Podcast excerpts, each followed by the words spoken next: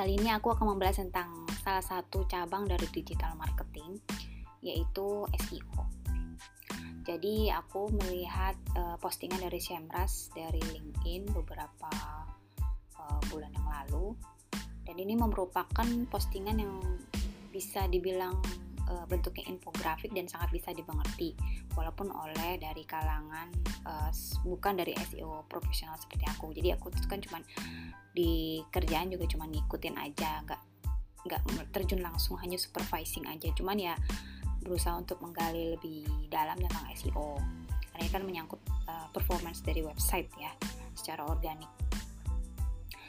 SEO itu sangat menarik kalau menurut aku karena dia itu merupakan sesuatu yang jangka panjang dan kita bisa mempertahankan uh, mungkin entah nanti kita bisa mempertahankan leads kita atau transaksi kita tuh secara uh, jangka panjang juga karena orang sudah kenal gitu karena kita terus menerus memberikan artikel-artikel yang berguna untuk mereka dan menjawab pertanyaan mereka sehingga mereka mau membeli uh, produk-produk kita yang relate dengan pertanyaan mereka gitu sesuai lah dengan apa yang mereka cari mereka dapatkan juga di uh, produk kita.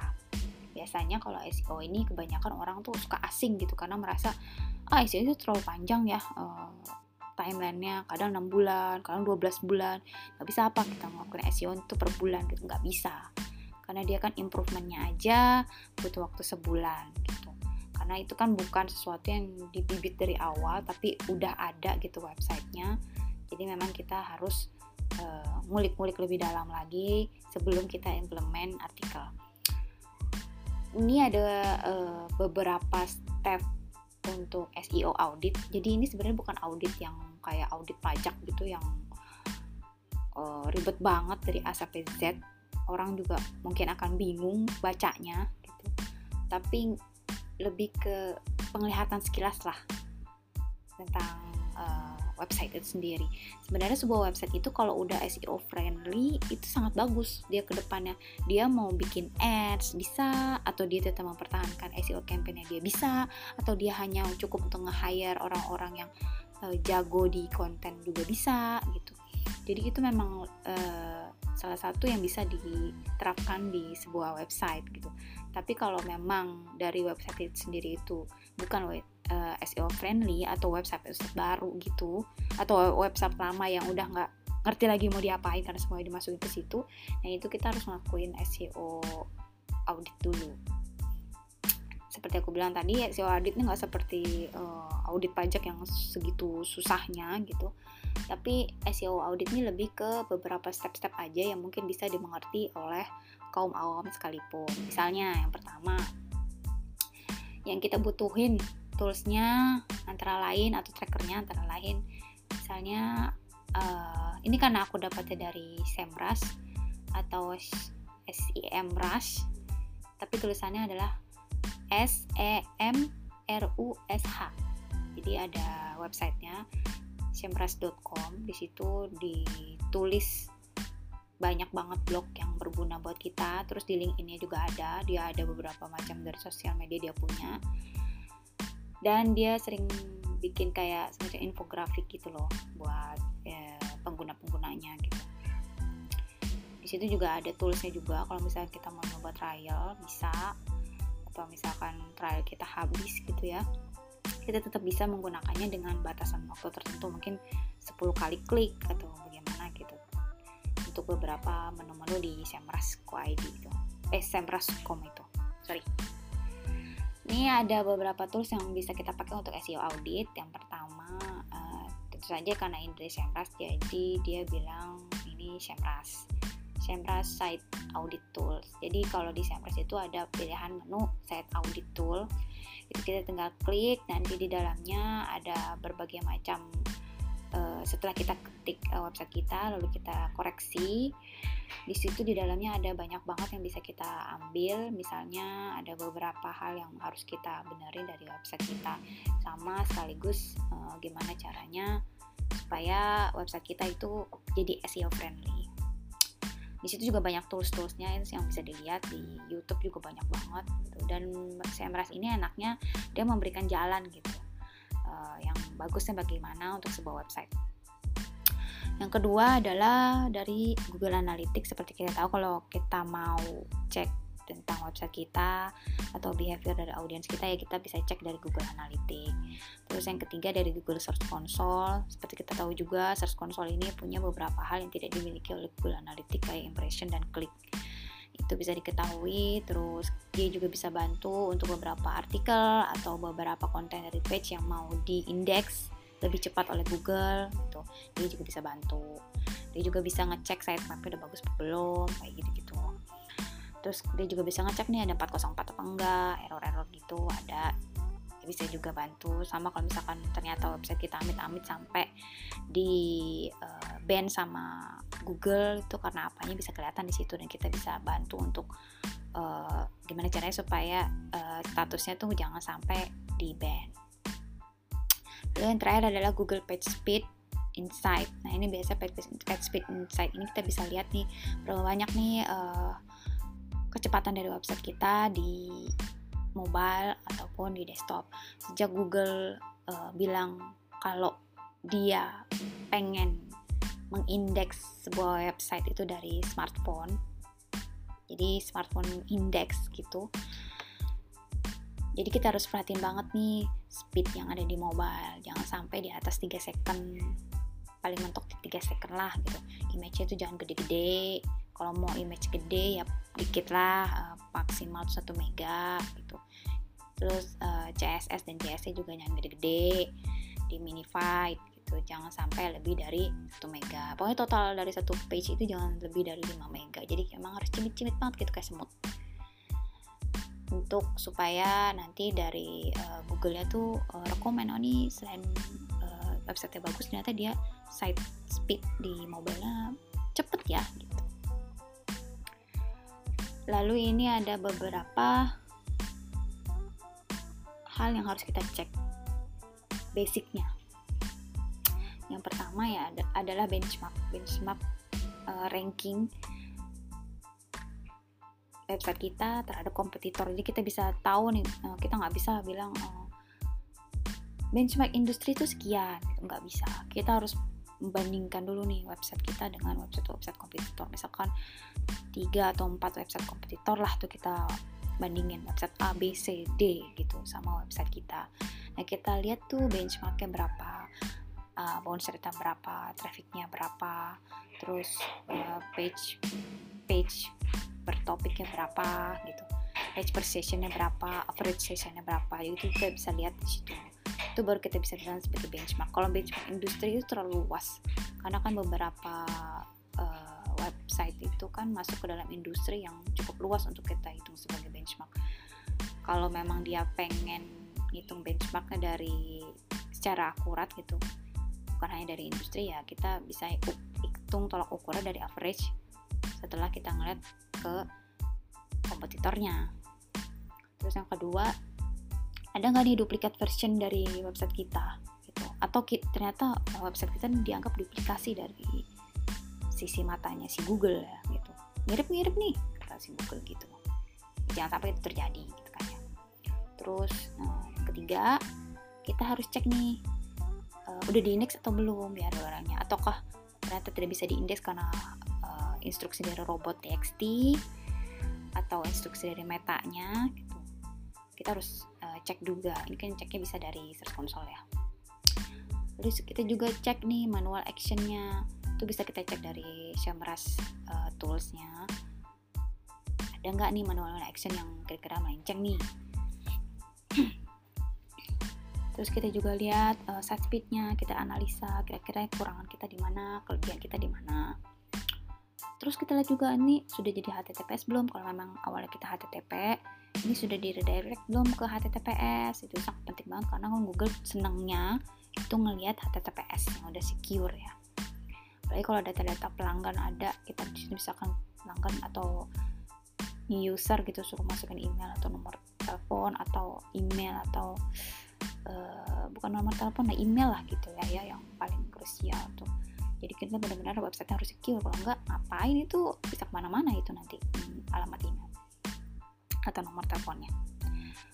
Terus kita bisa lihat nih uh, mobile friendly apa enggak sih ini website kita? Kalau memang mobile friendly itu bisa kita lihat juga. Kalau memang belum mobile friendly kita benerin lah gitu ya. Terus kita bisa lihat juga uh, ada nggak isu diri indeksnya nih? Oh ternyata nggak bisa diindeks karena tadi mungkin karena robot gitu, atau karena meta metanya disuruh no index itu kan bisa kelihatan. Terus uh, page experience-nya. Oh ternyata ini di dalam page ini hanya apa ya gambar doang atau satu page isinya gambar sepuluh full gambar gitu. Ada teks ya cuy gitu. Ya gimana caranya Google mau crawl kan? Isinya gambar semua. Terus gambarnya nulisnya cuman screenshot 01.jpeg wah itu gawat itu. Itu harus dibenerin. Tambahin lah teks sama ini ada audit on page. On page-nya ini biasanya uh, loadingnya ternyata setelah di loading full isinya cuma teks doang gitu. Atau kurang header H1 H2 itu nggak ada. Atau cuma image text image text gitu doang gitu. Itu juga harus diperhatiin. Atau ternyata di dalam ada konten banyak tapi nggak saling link antara page satu dan page berikutnya. Nah itu bisa gawat juga tuh.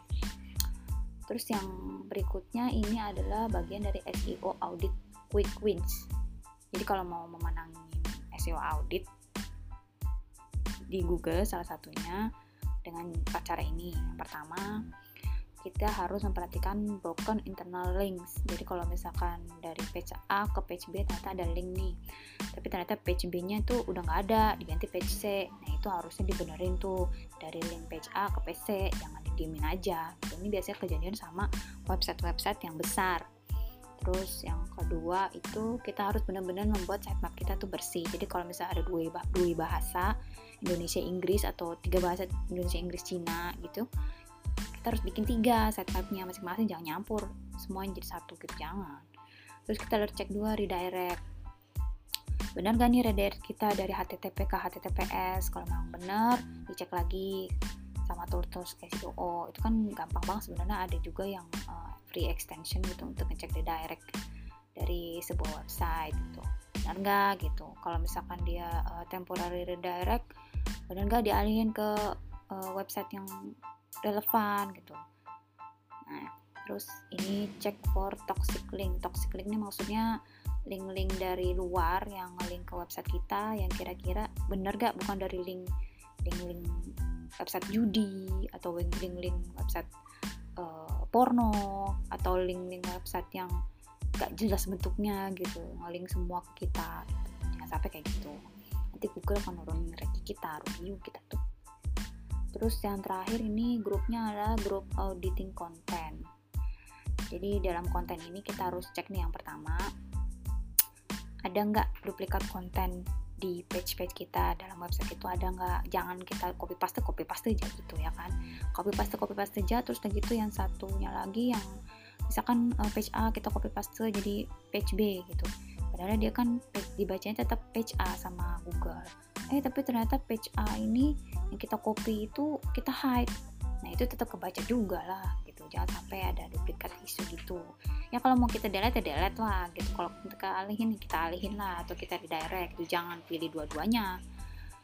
Nah terus yang kedua kita harus identify thin content page. Jadi kalau misalnya dalam satu page itu jangan cuma teksnya sebaris aja. Halaman terus teks sebaris. Buat apa tuh?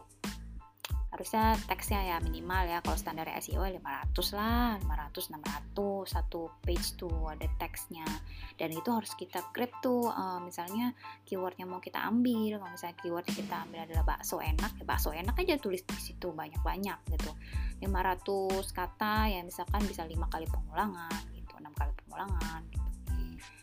terus uh, yang ketiganya nih fix issue with orphan page. Orphan page ini seperti uh, bahasa Indonesia-nya yatim piatu. Jadi page yatim piatu maksudnya nggak ada link dalam page itu. Harusnya kan dalam satu page itu ya kalau ada konten dia harus ngelink ke page lain. Jangan pula berhenti di situ.